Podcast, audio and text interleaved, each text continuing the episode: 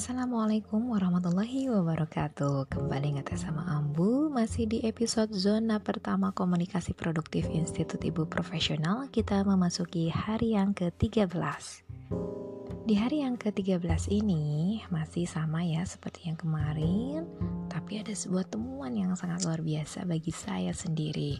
Nah kali ini itu negosiasi nih antara saya dan AA yang kebetulan posisi Dede ketika itu sedang mengantuk tapi AA kekeh betekeh alias pengen banget untuk ditemani bermain oleh saya. Nah sementara Dede yang kecil itu ingin uh, segera ditidurkan bisa dengan di gendong di eong-eong gitu kan atau juga langsung aja ditemani tidur di kasur. Nah kebetulan kakak ini berbeda dengan yang kemarin. Posisi sekarang agak manja dan pengen banget ditemani untuk bermain. Sementara saya sendiri masih teringat bahwa ada poin kaidah berkomunikasi dengan anak itu dengan pilihan. Nah pilihannya yang ketika itu saya ajukan kepada AA yaitu AA ingin bermain sekarang tapi sebentar. Dengan kondisi dedek rewel sehingga bermainnya nanti agak nggak seru atau nanti setelah dedek bobo lalu kita bermain dan bermainnya lama serta seru. Nah kemudian dia itu berpikir agak uh, serius gitu ya.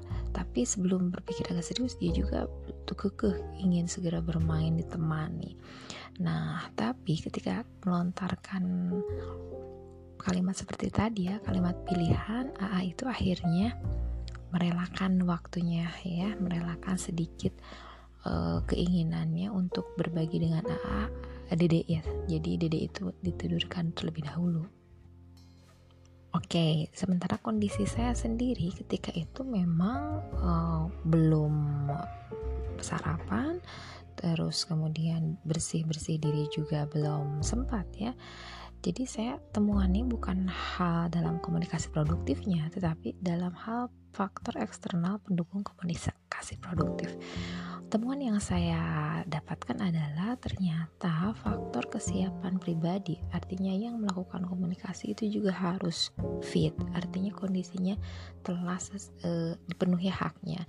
Dia telah sarapan yang cukup, energinya ada gitu kan, kemudian juga dia bersih diri, kondisi dia segar dan bersemangat. Itu ternyata menjadi faktor eksternal ya, pemicu pendukung juga komunikasi produktif. Ini menjadi sebuah tantangan juga bagi saya bahwa ternyata kesiapan diri kita ya untuk bersih diri, untuk segar, untuk semangat, untuk berenergi itu adalah faktor eh, pendukung yang juga menjadi bisa jadi utama dalam pendukung komunikasi produktif tadi.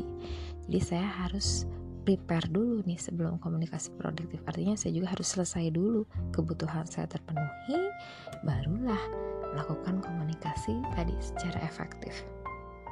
Poin komunikasinya itu ya eh, faktor eksternal tadi ya yang saya temuan temuan yang didapatkan.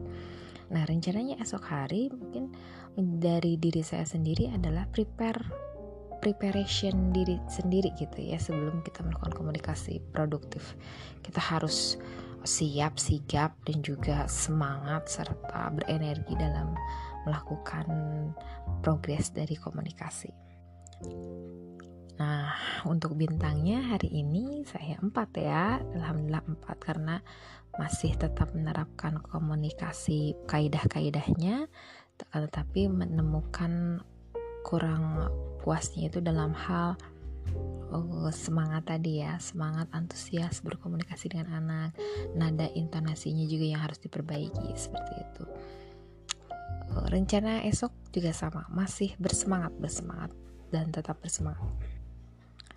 Sekian ngetes sama Ambo edisi kali ini.